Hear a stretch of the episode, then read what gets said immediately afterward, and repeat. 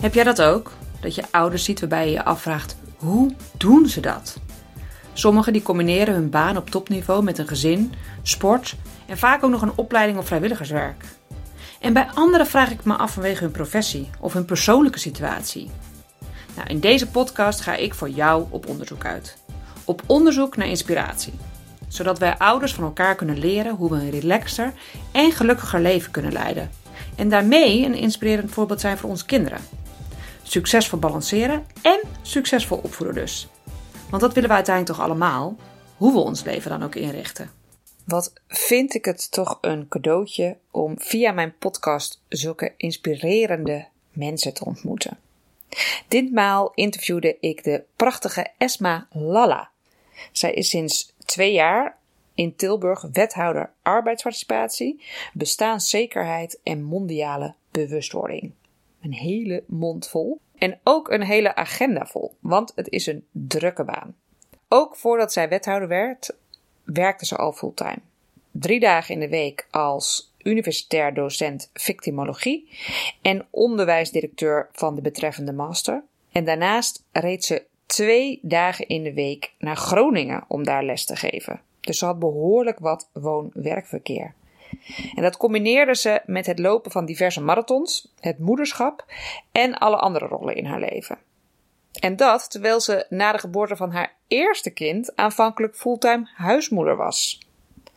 In het openhartige gesprek dat ik met Esma had, vertelt ze over haar pad en deelt ze concrete, nuttige tips die het voor jou ook mogelijk maken om je ideale balans te vinden. Ik wens je veel luisterplezier. Leuk om hier te zijn, Esma. Ja, dankjewel dat je de tijd voor uh, vrij wil maken om andere moeders en vaders te inspireren over balans. Heel graag. Nou, le leuk om uitgenodigd te worden. Ja. Ik las dat jij uh, schreef dat je al op vrij jonge leeftijd moeder bent geworden. Kun je eens vertellen hoe jouw carrière zich ontwikkelde? Uh, ja, ik denk dat ik in de laatste jaar van mijn studie uh, ontwikkelingspsychologie bedacht dat het mooi zou zijn als ik dat, dat, een kindje mijn leven zou verrijken. En ik vond het ook een mooi moment. Dan zou ik mijn studie afronden. En dan in, in plaats van een tussenjaar en mensen gaan reizen, nou dan had ik een jaar voor de zorg voor mijn kindje. Zo had ik dat bedacht. En daarna zou ik dan verder gaan met ja, de start van mijn carrière. Waar het mij ook zou mogen brengen. En nu werd ik iets sneller zwanger dan ik had gedacht. Eigenlijk vrij snel. Dus toen moest ik heel snel aan de bak om af te studeren. Dat is gelukt op de dag dat ik was uitgerekend was ik mijn scriptie aan het verdedigen. Dus dat was een hele strakke, strakke planning. dus ik hou me altijd netjes aan die planning. En uh, vervolgens heb ik een, uh, denk ik een half jaar echt thuis gezeten met alleen maar de focus op, uh, op de oudste, Ilias. En na een half jaar begon het te kriebelen. En toen ben ik langzaam omheen gaan kijken. En toen die één was, ben ik weer begonnen met werken. En in het welzijnswerk begonnen, ja. En toen wij al eventjes een gesprekje hadden voordat we gingen opnemen, vertelde jij hoe jouw carrière zich daarna ook te ontwikkelde. Ja. Dus ik ben begonnen met uh, twee dagen in de week als beleidsmedewerker bij uh, een grote welzijnsinstelling. Toen nog, heette dat nog de Twerren. En dan zorg, zorgde uh, mijn partner één dag voor Ilias en één dag ging hij naar het kinderdagverblijf. Dat was ook een mooie overstap. Het was een jaar om te leren om met andere kinderen om te gaan en wat forum vroegschoolse educatie en dergelijke. Dus dat vonden we heel mooi. En langzaam uh, ja, zijn die uren uh, uitgebreid van twee dagen naar drie dagen naar vier dagen. Uh, tot ik fulltime werkte, zeker toen hij naar school ging. En nou ja, toen hij ongeveer vijf, vijf en een half was, kreeg ik een tweede, tweede kind, uh, Noor, een dochter. En toen werkte ik al fulltime en toen heb ik verlof opgenomen en heb samen met uh, mijn toenmalige partner gekeken hoe gaan we dat nu samen doen. Iedere dag thuiswerken en de rest naar het kinderdagverblijf. Maar ja, toen zat ik wel in de fulltime werk. Dus het eerste kind is ander, in een andere setting en omgeving opgevoed dan het andere. Oh, excuus. En hoe heb je dat verschil ervaren? Want je zegt van bij de eerste was ik dus eigenlijk daarna vol thuis en bij de tweede fulltime aan het werk. Ja. Hoe was dat voor jou? Uh, ja, soms heb, dat voel je dat best wel als een dilemma. Dan voel je alsof je de tweede, dat heb ik echt wel gevoeld als ik de tweede soort onrecht aandoe, omdat ik bij de eerste zoveel uh, thuis was. Um, maar tegelijkertijd was de eerste was ook, uh, ja, is je eerste, het overkomt je, alles is nieuw, je weet eigenlijk nog helemaal niet zo goed wat je kunt verwachten. je leest heel veel en je hoort heel veel, maar ik weet nog dat ik naar huis werd gestuurd met baby, dat ik dacht van sturen ze mij nou gewoon naar huis met dit kind? Wat moet ik hiermee? durven ze dit wel aan en durf ik dit wel aan? Dat komt natuurlijk wel heel snel goed. En bij de tweede heb je wel de handigheid erin. En uh, ja, ook in de verhouding de rol zeg maar die thuis blijft met je partner. Ehm, bij de tweede kon de partner een deel ook thuis, thuis, thuis doen. Dus de, de, vader was, ja, dan hadden we de verdeling gewoon evenredig verdeeld. Terwijl bij de oudste zat ik thuis en werkte de papa. Dus ehm, nou ja, het heeft elkaar dan in die zin wel een goed evenwicht gehouden. Maar af, af en toe denk je wel eens, oh ja, dat, dat is niet helemaal eerlijk verdeeld. Tegelijkertijd, ja, zoals ik al zei, het was zoals het was. Ik deed mijn werk met heel veel liefde en plezier. En volgens mij is dat ook heel erg belangrijk. En het zou jammer zijn als je dan een andere keuze maakt en dat stukje opgeeft. Dat, dat hoeft helemaal niet. Als je dat goed met elkaar uh, organiseert, in de eerste instantie met vader, maar ook met je netwerk die om je heen zit, dan kom je best wel een, uh, een heel eind. Ja. Dus, uh, hey, en je zegt het was niet helemaal evenredig verdeeld? Bedoel je dan, was het niet evenredig verdeeld tussen jou en je partner? Was het niet evenredig verdeeld tussen het eerste kind vol thuis en het tweede kind wel weer aan het werk? Eh, eigenlijk op beide aspecten. Bij de eerste zat ik thuis en werkte papa zeg maar fulltime.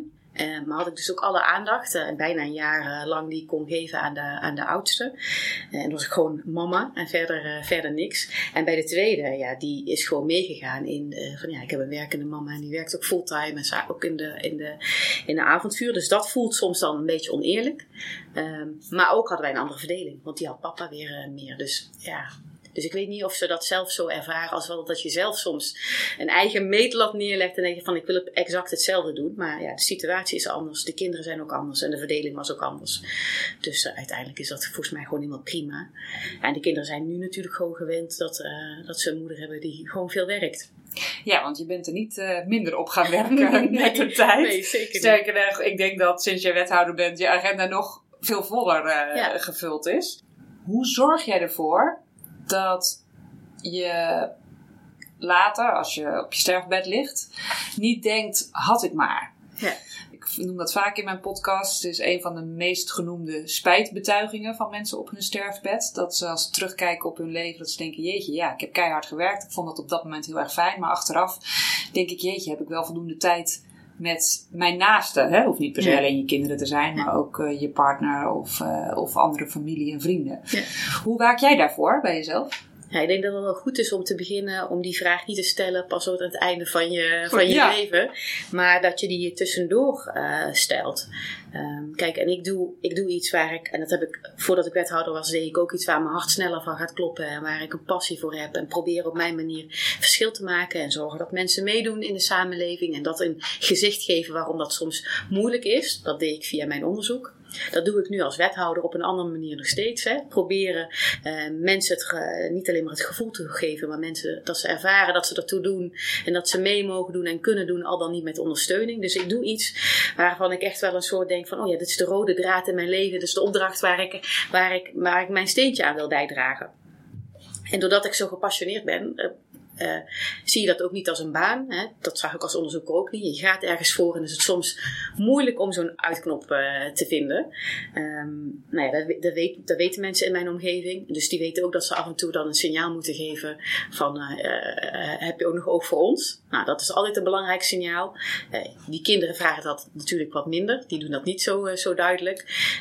maar je merkt dat wel bij jezelf. Je denkt van, oh ja, ik ben daar niet bij of ik ben daar niet geweest. of ik voel zelf nu dat de balans niet helemaal uh, oké is. En als een gevoel hebt, dan kun je niet hard maken in, uh, in, uh, in uren. Ja, dan moet je, dan moet je kijken van wat moet je anders. En wat mij helpt, dus ik, heb af en toe die vraag ook, hè, dat ik denk, oh ja, hoe krijg ik het allemaal voor elkaar? En het moet eigenlijk anders, of nu moet hier een tandje bij of daar een tandje bij. Maar wat mij heel erg helpt is, heel duidelijk uh, de structuur en de planning door te nemen van, van, uh, zeg maar van een maand. En dan in, stukjes op te breken en te kijken van hoe ziet die balans dan uit. Welke momenten zijn er nu? En nou, dit is werk. En dan op dat moment ben ik er voor de kinderen. Maar dan ben ik er ook helemaal voor de kinderen. Uh, dus dan heb je liever zeg maar, dat uur of dat twee uur of een middag quality time als dat versnippert door de week. En dat helpt. Dat wil nog niet zeggen dat het dan ook altijd lukt, zeg maar, om dat zo afgebakend te houden. Maar het feit dat je dat in het vooruitzicht eh, hebt en dat, dat zo uh, plant. En zorg dat je die, die, momenten hebt voor de kinderen, voor je partners, voor je familie. Maakt dat die balans ook makkelijker, uh, ja, makkelijker wordt. En dat doe je heel structureel elke maand daarvoor gaan zitten? Ja, ja, dan vooral voor mezelf. Van waar zitten de, de, de drukke uh, momenten? Waar zitten de drukke momenten op, op, eh, op het werk? Voor de raad? Wat betekent dat dan? Nou, dan weet ik al, ja, de weekend, daar vraagt veel voorbereiding. Dus dat is misschien niet handig om dat weekend dan uh, een familieuitje te plannen of iets met de kinderen. Dus daar hou ik wel rekening mee dat ik dat dan ergens op een ander moment wel plan. En andersom ook. Hè. Je hebt natuurlijk ook privé waar je dingen moet organiseren. Dus dat neem ik ook mee. Dat zijn de momenten wanneer je naar sport, judo en dergelijke. Wanneer je misschien, eh, bijvoorbeeld nu zit ik met het afscheid van eh, mijn dochter op de basisschool. Dus krijg je eindfeesten, galafeesten. Ja, daar wil ik wel mijn steentje aan bijdragen. Daar wil ik zeker bij zijn. Ja, dus dat heb ik van tevoren gepland. En dan probeer ik werk en, en privé op elkaar af te stemmen. Moet ik zeggen, dat lukt niet altijd. Maar doordat je ergens een soort van richtlijn hebt. Ehm, eh, en dat geeft houvast. Is het ook niet erg als er dan een keer iets interveneert. Want je hebt zeg maar dat bredere plaatje ja. in gedachten zodat je ook weet, want dat is eigenlijk wel belangrijk, dat je ook weet van wanneer moet de hulptroepen inschakelen. Uh, ja, daar moet ik ook vaak gebruik van maken. Dus wanneer zorg ik dat mijn ouders er zijn, of uh, mijn partner die uh, inspringt, of dat de kinderen heel weten van, nou ja, maar dit is een drukke week. Maar daarna hebben we tijd voor wat dat dan ook mogen zijn. Dus ja. Je zei zojuist dat er dan ook wel andere mensen zijn die je terugroepen. Ja. Van druk nu eens even op de knop. Kan je daar een voorbeeld van geven? Ja. Want ik vind dat wel al heel inspirerend dat andere mensen dat zo concreet bij je aangeven. Dat is bijvoorbeeld, mijn partner is daar heel, eh, heel, erg, heel erg duidelijk in. Maar die weet ook dat hij dat zo moet doen. Want uh, ja, ik, ga er gewoon voor, hè, de, gedrevenheid. En dat hij ook zegt van, ja, maar uh, dit, dit vraagt ook even aandacht. Of zullen we een moment inplannen deze week? Of zullen we vaste momenten inplannen om in ieder geval iets te markeren dat we samen doen? Nou ja, dan kun je soms ook dingen combineren met elkaar, sporten. Samen met elkaar sporten bijvoorbeeld. Heb je toch quality time. en mijn omgeving op het werk doet dat ook af en toe. Zeggen van, nou, oké, maar nu moet je even vakantie opnemen, bijvoorbeeld. Oh, wat goed. dus dat is wel fijn dat je een aantal mensen hebt die met je meekijken, die, uh, die uh, ik zeg altijd, je moet keuzes maken. Als je een balans moet zoeken, dat betekent dat je duidelijk moet zijn en dan moet je keuzes maken. En uh, nou ja, dat, is op zich niet verkeerd. Maar het, dat zeg je heel makkelijk. Maar vervolgens, als je de keuzes moet maken en dan je moet ergens nee tegen zeggen waar je eigenlijk heel graag ja tegen wil zeggen, dan wordt het ingewikkeld. En dan is het fijn als er mensen ook om je heen zijn die dan zeggen van ja, maar is dit nu echt wel zo belangrijk of moet je dit nu uh, niet doen? Nou ja, want inderdaad, gedrevenheid is natuurlijk ook een valkuil. En zeker als je zegt van nou, ja, ik draag bij uh, aan een maatschappelijk iets wat ik heel erg belangrijk vind. Ik herken dat heel erg. En bij mezelf is dat inderdaad ook echt wel een valkuil. Dat ik daardoor eigenlijk nog meer gedreven ben om door te gaan. En nog minder een excuus heb om te zeggen, nou dan doe ik nu maar niks. Want ik kan altijd wel iets bedenken waarvan ik denk, ja, maar als ik dit doe, ja, dan kan ik daar, kan ik daar en daar ook nog aan bijdragen. Ja, dat is heel herkenbaar. Ik zei het niet zo lang geleden, zei ik het ook heel, heel stoer. Zei ik, ja, dan moet je gewoon prioriteren en dan, en dan moet je keuzes maken. En toen vroeg die persoon, maar kan je dat? Nee, ik ben daar niet zo goed in. Dus ik zorg nu dat mensen in mijn omgeving zijn die mij daarbij helpen. Maar ook gewoon een duidelijk signaal geven van, ja, maar nu, uh, nu ben je te veel uh, daar of te weinig hier. Uh, en dat is goed. Dat is ja. ook belangrijk, dat de omgeving je daar ook scherp in, in houdt. Nou, maar dat is wel heel inspirerend dat ze dat doen, inderdaad. Dus, want dat doen ze vanuit zichzelf. Het is niet iets waarvan jij ze van tevoren hebt aangegeven van... Goh, wil je me alsjeblieft hierin helpen? Nee, nee, dat doen ze vanuit zichzelf. En ik moet zeggen, inmiddels waardeer ik het dat ze het doen. Maar oh, nee, in, het begin, in het begin dacht ik, nee, ik, ik heb hier een eh, passie en een missie. En ik moet hiervoor uh, voor gaan. Ja. Maar uh, ja, zoals ik al zei, dan ga je in je gedrevenheid... En dat, zoals jij ook zelf ook zei, herken je, ga je dus door. Terwijl het eigenlijk helemaal niet verkeerd is, uh, ook vanuit die gedrevenheid, om soms ergens een pauzeknop in te lassen, zodat je daarna ook weer met een beetje afstand ernaar kan kijken. Dus ook zo'n moment uh, waarin je dan meer aandacht thuis besteedt, wat dat dan ook mogen zijn, helpt je ook weer om je werk beter te doen. Dus die balans is op meerdere fronten gewoon ontzettend belangrijk. Ja, want wat als we het gewoon in zijn algemeenheid hebben, hè? want werkende ouders die zeggen altijd: oh ja, balans, dat wil ik. Tegelijkertijd merk ik ook dat er nog wel verschillende opvattingen zijn over balans. Wat is balans voor jou? Ja, ik denk dat, dat daar dat, dat precies een hele goede vraag is. Kijk, mijn balans hoeft niet een andere balans uh, te zijn. En ook in hoe je dat verdeelt bijvoorbeeld in, uren. Bij mij zit het meer in uh, als ik in staat ben om um, zowel mijn werk alles te kunnen geven wat ik wil geven.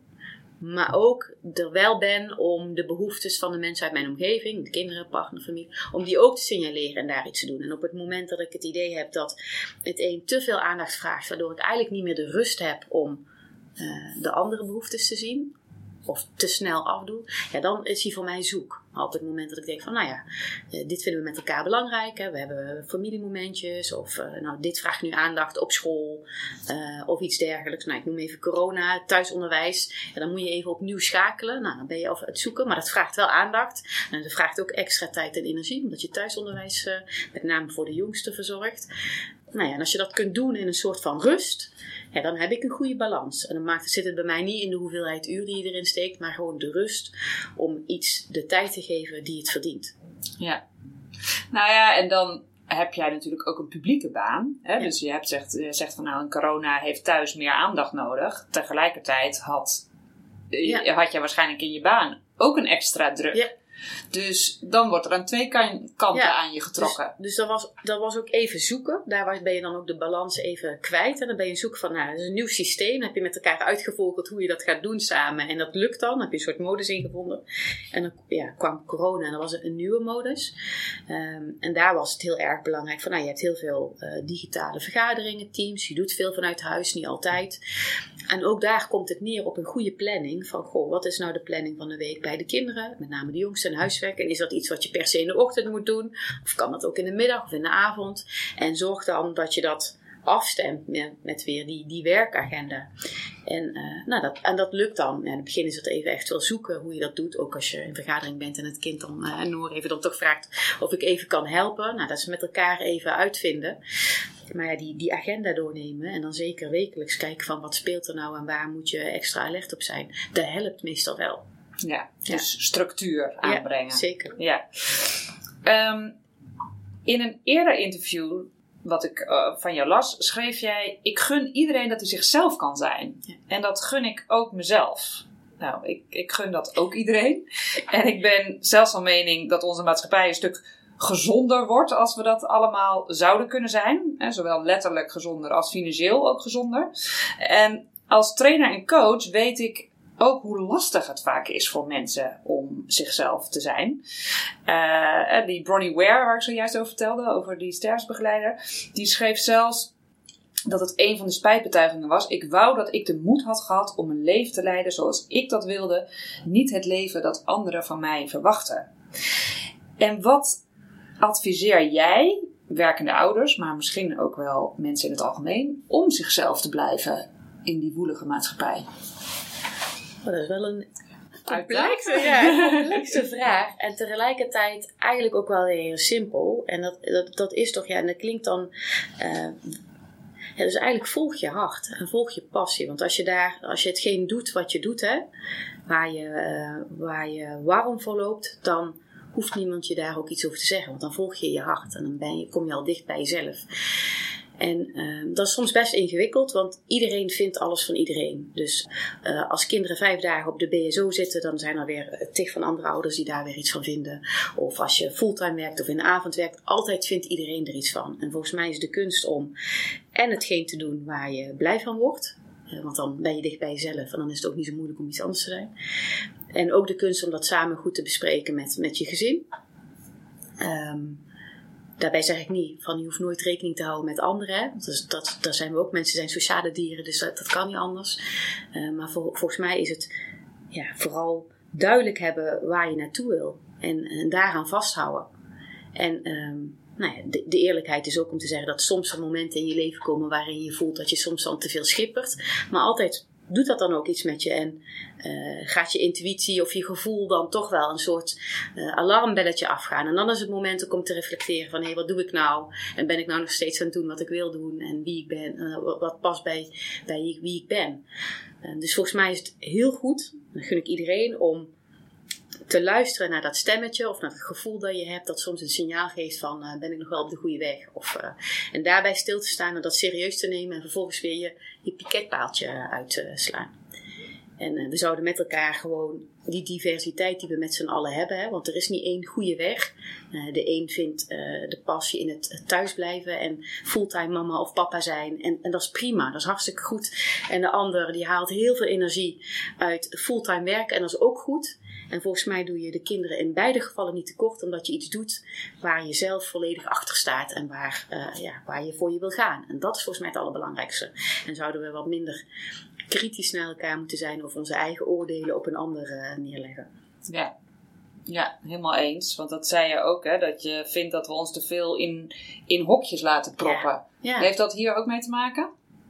Jazeker, zeker. Ik, ben, ik, ik, uh, Iemand heeft mij uh, onlangs het grootste compliment gegeven. Dat klinkt heel gek, het grootste compliment gegeven. Die zei: Je bent één wandelende verwarring. Oh, en dat vond ik heel mooi. Er zat wel een soort context achter. Maar um, uh, die zin, een wandelende maakte van ja, ik ben dus niet in een hokje te plaatsen. En dat is ook niet, want ik heb een verscheidenheid aan. Hè, ik ben en mama, uh, ouder, uh, werkend, wethouder, dochter, zus, vriendin. nou, al die dingen, al die verschillende rollen die maken wie ik ben. Hè. Onder andere laten die een stukje zien van wie ik ben in een bepaalde context, maar maken mij mij. en als we alleen maar bezig zijn met mij te beoordelen als moeder sec als moeder en niet de rest, dan doe je volgens mij mij als persoon tekort. En uh, nou, volgens mij zijn we als samenleving heel erg goed om mensen ergens in een hokje te, plek, te, stoppen. Om ook maar uh, snel te kunnen scannen over wat betekent dat dan en wat zegt dat dan over die persoon.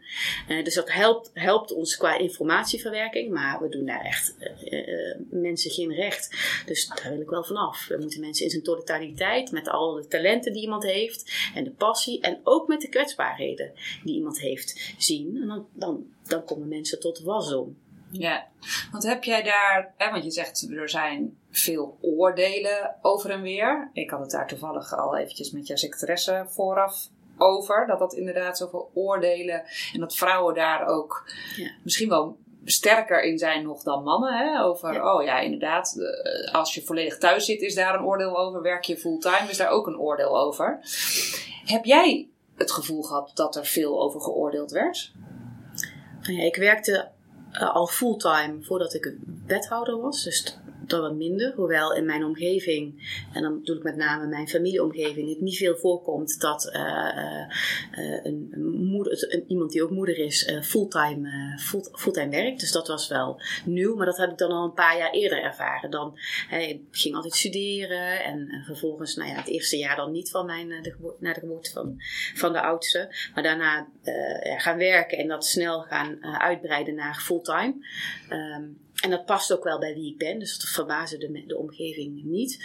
Maar wat ik wel opvallend vind, en dat was niet zo lang geleden, had ik bijvoorbeeld een, um, een avond waarin ik iets mocht vertellen over een slotbijeenkomst van een cursus op Nijenrode. En er waren drie uh, bestuurders uitgenodigd. Ik was daar één van. twee anderen waren toevallig man.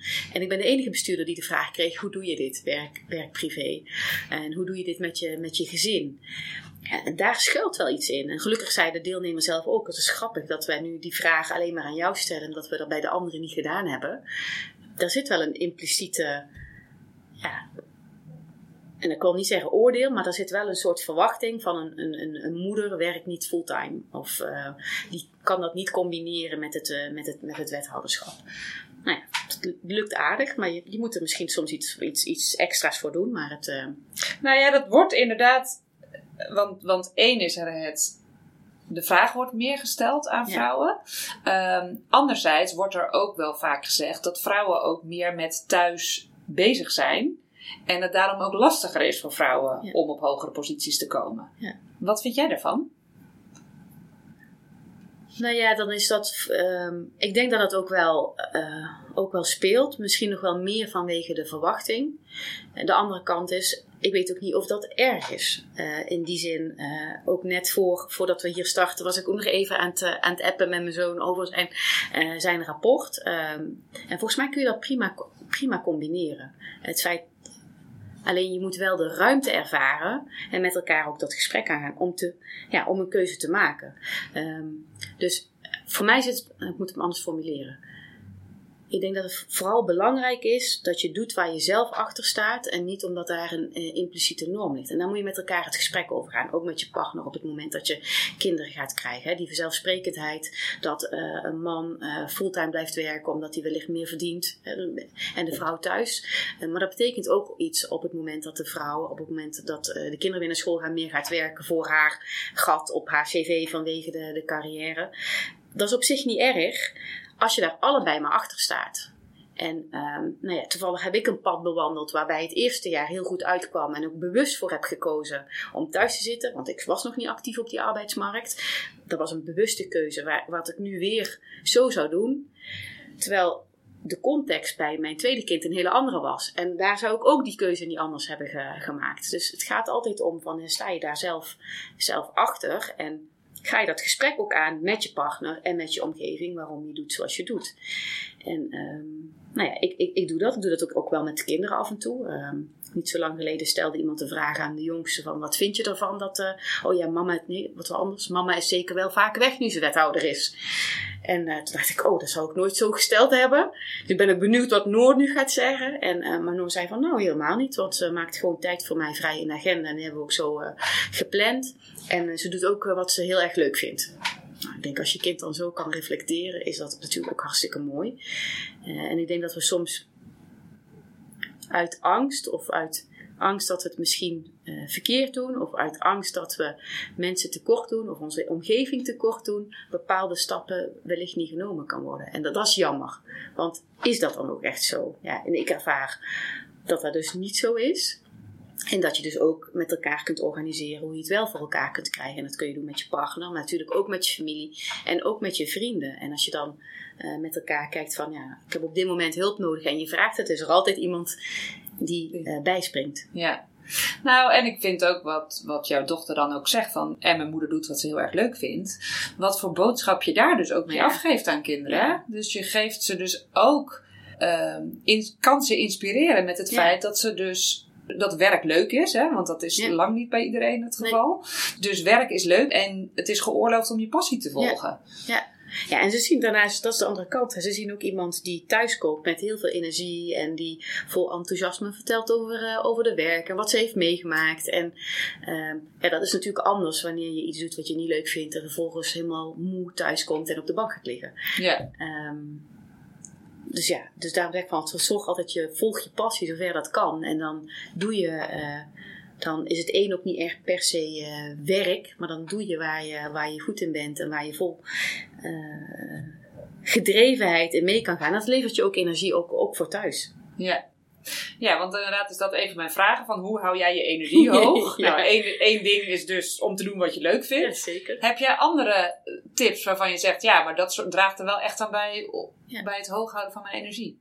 Nou ja, ik, de, je moet ook je momenten voor jezelf hebben. Dat is ook heel erg belangrijk. Om ook, uh, en ik haal die momenten uit mezelf heel erg veel uit sporten, wat mij heel veel uh, energie geeft. Dus dan ga ik een uurtje hardlopen of ga fietsen. En dat is een, een, manier ook om soms de dag te verwerken, om sommige dingen te ordenen, om soms na te denken over wat ik morgen of volgende week moet gaan doen. En tegelijkertijd kom je heel ja, energiek ook weer, weer terug. maar die momenten voor jezelf, of dat nu een sporten is of een moment om een boek te pakken of even. Uh, dat is wel belangrijk om het vol te houden. Want je kunt niet continu aanstaan voor je omgeving. En uh, die ook alles van je verwacht. Uh, dus je moet ook echt wel momenten in, in, inbouwen die even alleen voor jezelf zijn. Eh, en dat kan soms vijf minuten mediteren zijn of vijf minuten even niks. En soms is het een uur sporten. Maar het is wel belangrijk dat je dat doet. Ja, en plan je dat dan heel bewust ook op een dag in? Dat je, hè, want je zegt soms is vijf minuten mediteren is voldoende. Ja, voor, voorheen was ik heel erg bezig met, uh, met sporten en, haalde, en sportte ik ook heel erg veel in de week, met name hardlopen. En was dat voldoende? Uh, die structuur is door mijn werk wel anders geworden, want uh, ja, de, de tijden zijn wat onregelmatiger. En ook in het weekend heb je soms optredens of ergens waar je, na, waar, waar je naartoe gaat en gesprekken die je voert. Dus het is nu wat onregelmatiger. Dus op momenten dat ik weet dat ik een hele dag heb die van ochtends vroeg tot avonds laat vol zit met allerlei meetingen. Ja, dan, dan, probeer ik een momentje tussendoor van, van bezinning te hebben. Dat lukt niet altijd. Dat betekent dus dat ik vaak dan aan het einde van de, van de dag dan toch dat momentje pak om even, om dan niet te kiezen van, nou ja, ga nu slapen. Nee, dan pak ik even een momentje dan. Want ik merk gewoon dat ik daar zelf even van oplaad en dat het mezelf heel veel goed doet. Ja, en heb je dan tips? Hè? Want je zegt al, sporten is één. Mediteren, er zijn natuurlijk heel veel vormen van mediteren. Wat voor momenten, wat doe jij op die momenten om even tot rust te komen? Ja, dat is vooral even het moment van uit zijn. Hè? Het uitschakelen in, in, in dat je dus eh, niet dingen hoeft of vraagt. Dus ja, bij sporten gebeurt het natuurlijk vanzelf. Dan ben ik gewoon aan het sporten en dan heb je je gedachten, heb je de rust en de tijd om je gedachten de vrije loop te laten, uh, ja, gewoon los te laten gaan. Uh, maar dat kan ook zijn een moment waarin ik in een boek gewoon ontspannen aan het lezen ben. En vaak is het het moment waarin er geen tijdsdruk zit. Dus wanneer je gewoon uh, het moment volledig kan pakken. En zoals ik al zei, van, dat is ook vijf minuten mediteren. Hè. Dan, dat klinkt misschien gek, want dan zeg ik beperk je tot vijf minuten. Maar weten dat je die vijf minuten dan ook niks hebt. Dus de telefoon uit. Uh, ja, dat zijn momenten die helpen. Ja. Kijk, en het gaat mis op het, bij mij gaat het mis op het moment dat ik dan dat moment voor mezelf heb, heb gemarkeerd ergens van, nou, ik ga dan bijvoorbeeld sporten, maar ondertussen mijn telefoon opneem en hardlopend dan nog dingen gaan, uh, uh, gaan bespreken, of nog even met de thuisfront, of nog even dit. Ja, dan kom je niet echt tot rust. Dat heeft dat ook niet zo heel veel zin. Dus je moet het wel maar dat gebeurt wel. Die valkuil trap jij ook ja, in. Ja, ja, die gebeurt wel. En dan denk ik daarna weer na drie keer, oh nee, maar dat moet ik niet willen. Dus dan probeer ik nog beter dat tijdstip zo te plannen dat, dat de kans minimaal is. Ja. Um, of ik zet hem gewoon uit. Maar daar zeg ik nu heel stoer, maar daar komt wel heel weinig voor. Moet ik dan ook weer eerlijk zeggen.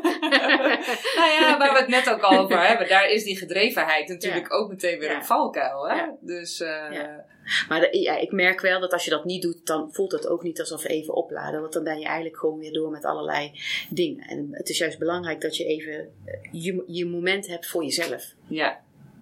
Ja, en jij vertelt natuurlijk van, uh, nou, dan ga ik even hardlopen. Maar het even hardlopen zijn bij jou ook wel meteen marathons.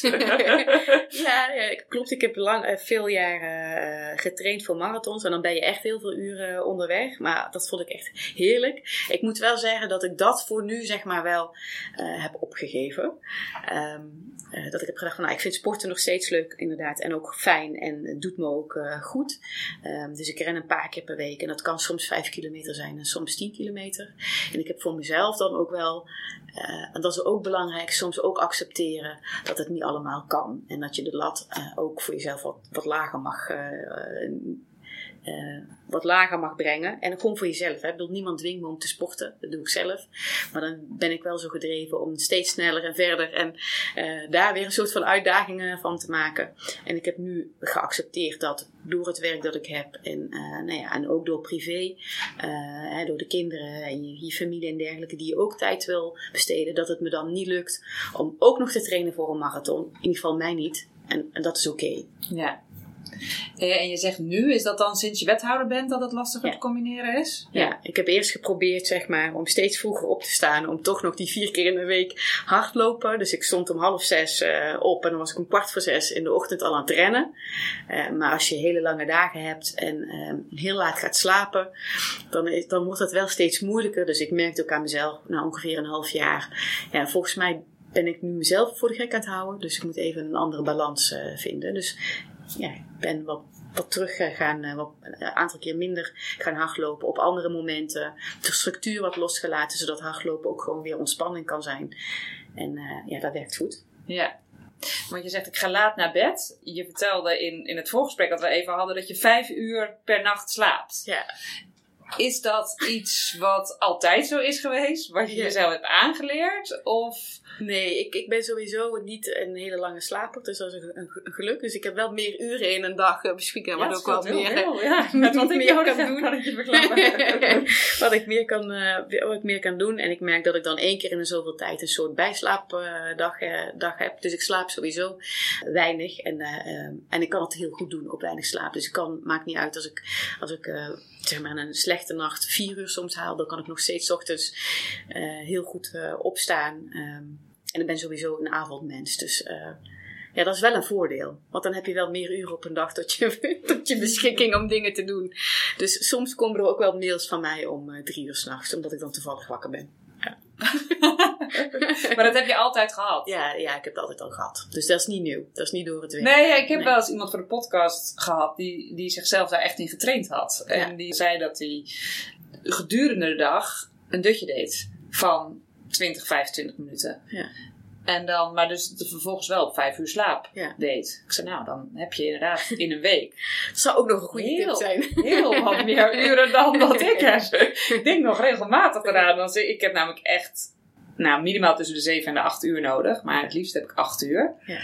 En, uh, en ik red het prima eens op een paar nachten zeven uur. Maar als ik drie nachten achter elkaar zes uur heb, dan wordt dat wel vrij snel opgemerkt door mijn omgeving. Laat staan door mijzelf. Ja, kijk, die vraag kan ik natuurlijk niet beantwoorden. Misschien dat mijn omgeving vindt dat ik meer slaap nodig heb. Jij ervaart ik, ik heb er zelf ook last van namelijk. Dus, uh, um, wat vind je in je werk het meest uitdagende en zie je daarin een parallel in je gezinsleven? Zo. Hmm. Moet ik even over nadenken hoor. Nou, het meest uitdagende is denk ik in beide gevallen is wel um, continu proberen het maximale eruit te halen.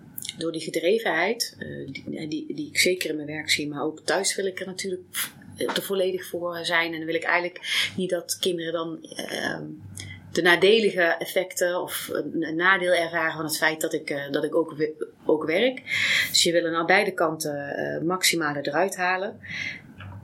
Waardoor je onbedoeld, denk ik, uh, voor jezelf een soort maatstaf en wanneer het goed is, die gewoon echt tussen je oren zit. Uh, dus dat kan ik wel eens doen. Dat ik denk van, nou ja, ik wil maximaal uh, eruit halen en er helemaal voor gaan.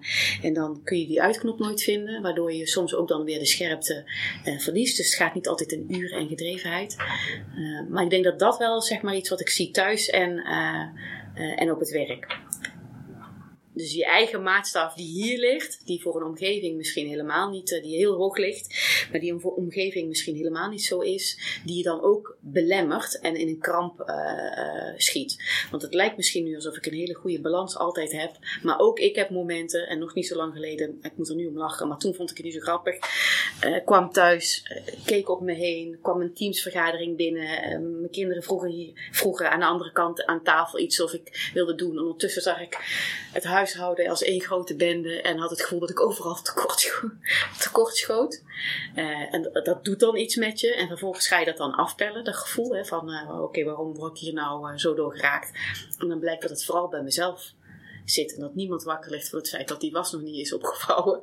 Maar dat ik een beeld heb over hoe dat huishouden eruit moet zien. Maar dat is mijn beeld en mijn maatstaf. En niet, niet van mijn omgeving. En, um, en hetzelfde kan ik voor het werk. Hè. Ik heb het idee dat ik helemaal moet geven. En dat dat op een bepaalde manier eruit ziet. Maar dat is misschien helemaal niet uh, hoe het werk dat ook ervaart. En hetzelfde geldt natuurlijk ook voor de kinderen thuis. Uh, waardoor je zelf dan misschien de hele tijd het continu het gevoel hebt dat je teleurstelt. Terwijl dat helemaal niet zo is. Nee. Dus ja, de, dus dat, dat maximale ervoor gaan en die uh, altijd het onderste uit de kan eh, willen halen, dat vind ik af en toe wel ingewikkeld. Want dan loop ik ook tegen mijn eigen, ja, tegen mijn eigen uh, maatstaven aan dat het niet lukt.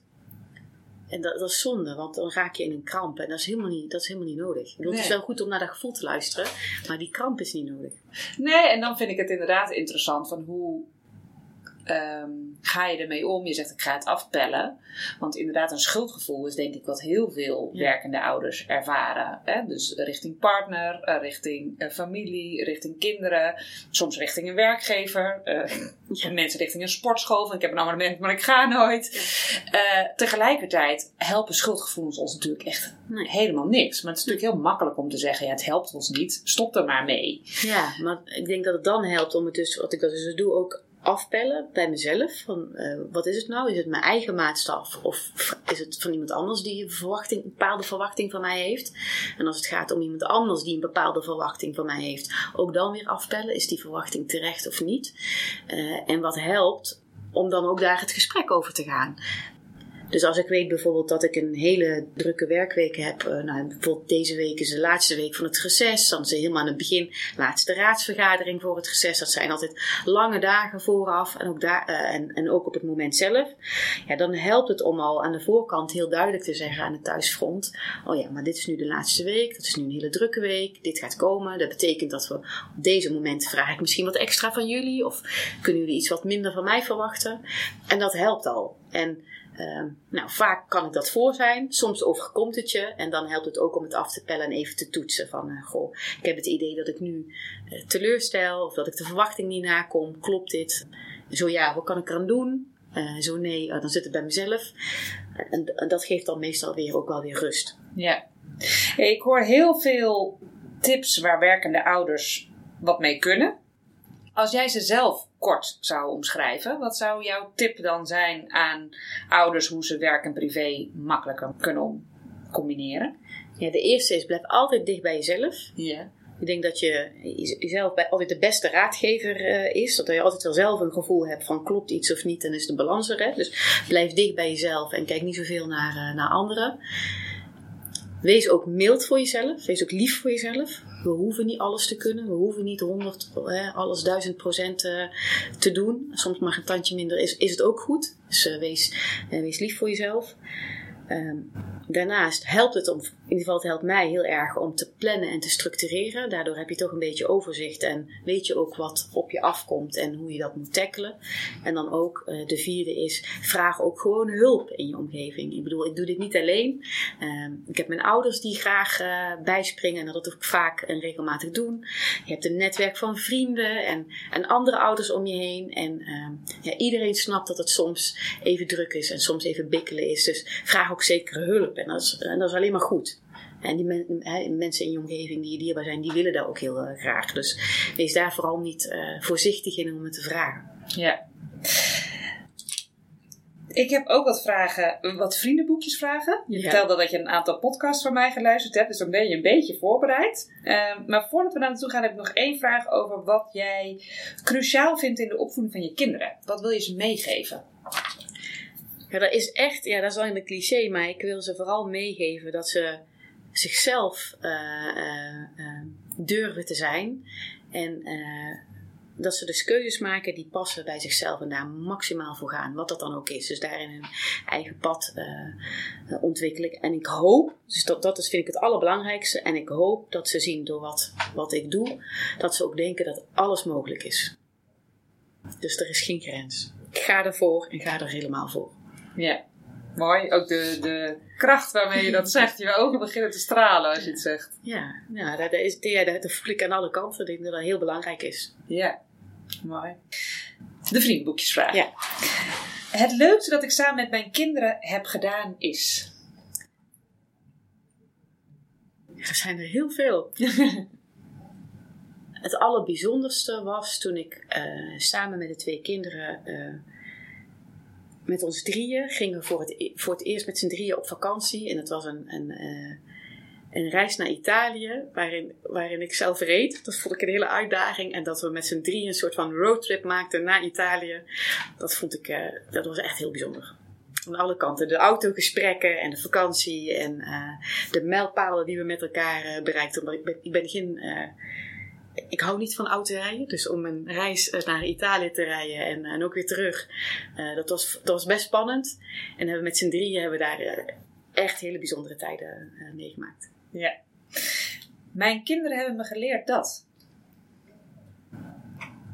Dat het goed is om af en toe ook te ontspannen. en te relaxen. Ja. Kunnen kinderen goed, hè? wat mijn kinderen niet van mij weten is Ik, uh, ik weet het niet. Ik ben best wel een open boek. nee, ik ben best wel een open boek. Ik denk dat ze heel veel wel weten. Ja. Je grootste opvoedblunder? Grootste opvoedblunder? Ik denk dat ik uh, in de vaccinatieafspraken misschien wel een jaar ben vergeten. Dat die vergeten of elke keer uitgesteld? Nee, elke keer gewoon vergeten. Echt vier of vijf keer vergeten. Dat vind ik wel. dus elke keer moest ik weer opnieuw bellen voor een nieuwe afspraak. Dat heeft volgens mij wel totaal al een jaar geduurd. Dat vind, vind ik best erg. Heb je kind waarschijnlijk niet meegekregen? misschien van twee keer. Oh. Maar dat is misschien dan misschien ook meteen hetgene dat ze niet weten. ja, precies. Toch nog een andere vraag beantwoord. Uh, de beste manier om het weekend te beginnen is? Oh, een, een maaltijd. Een, uh, met elkaar aan de eettafel starten met een, zeg maar een uitgebreide maaltijd met allerlei hapjes en elkaar het goede gesprek voeren. Mijn favoriete tegeltjeswijsheid.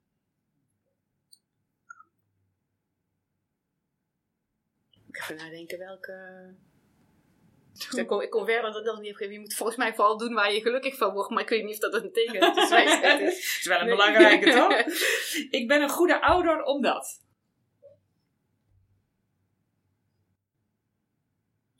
Omdat ik ontzettend betrokken ben bij de kinderen. In alle aspecten en de dingen die ze meemaken. En uh, volgens mij de, het goede gesprek ook met de kinderen voor. En de laatste, ik zou best eens een dagje willen ruilen met.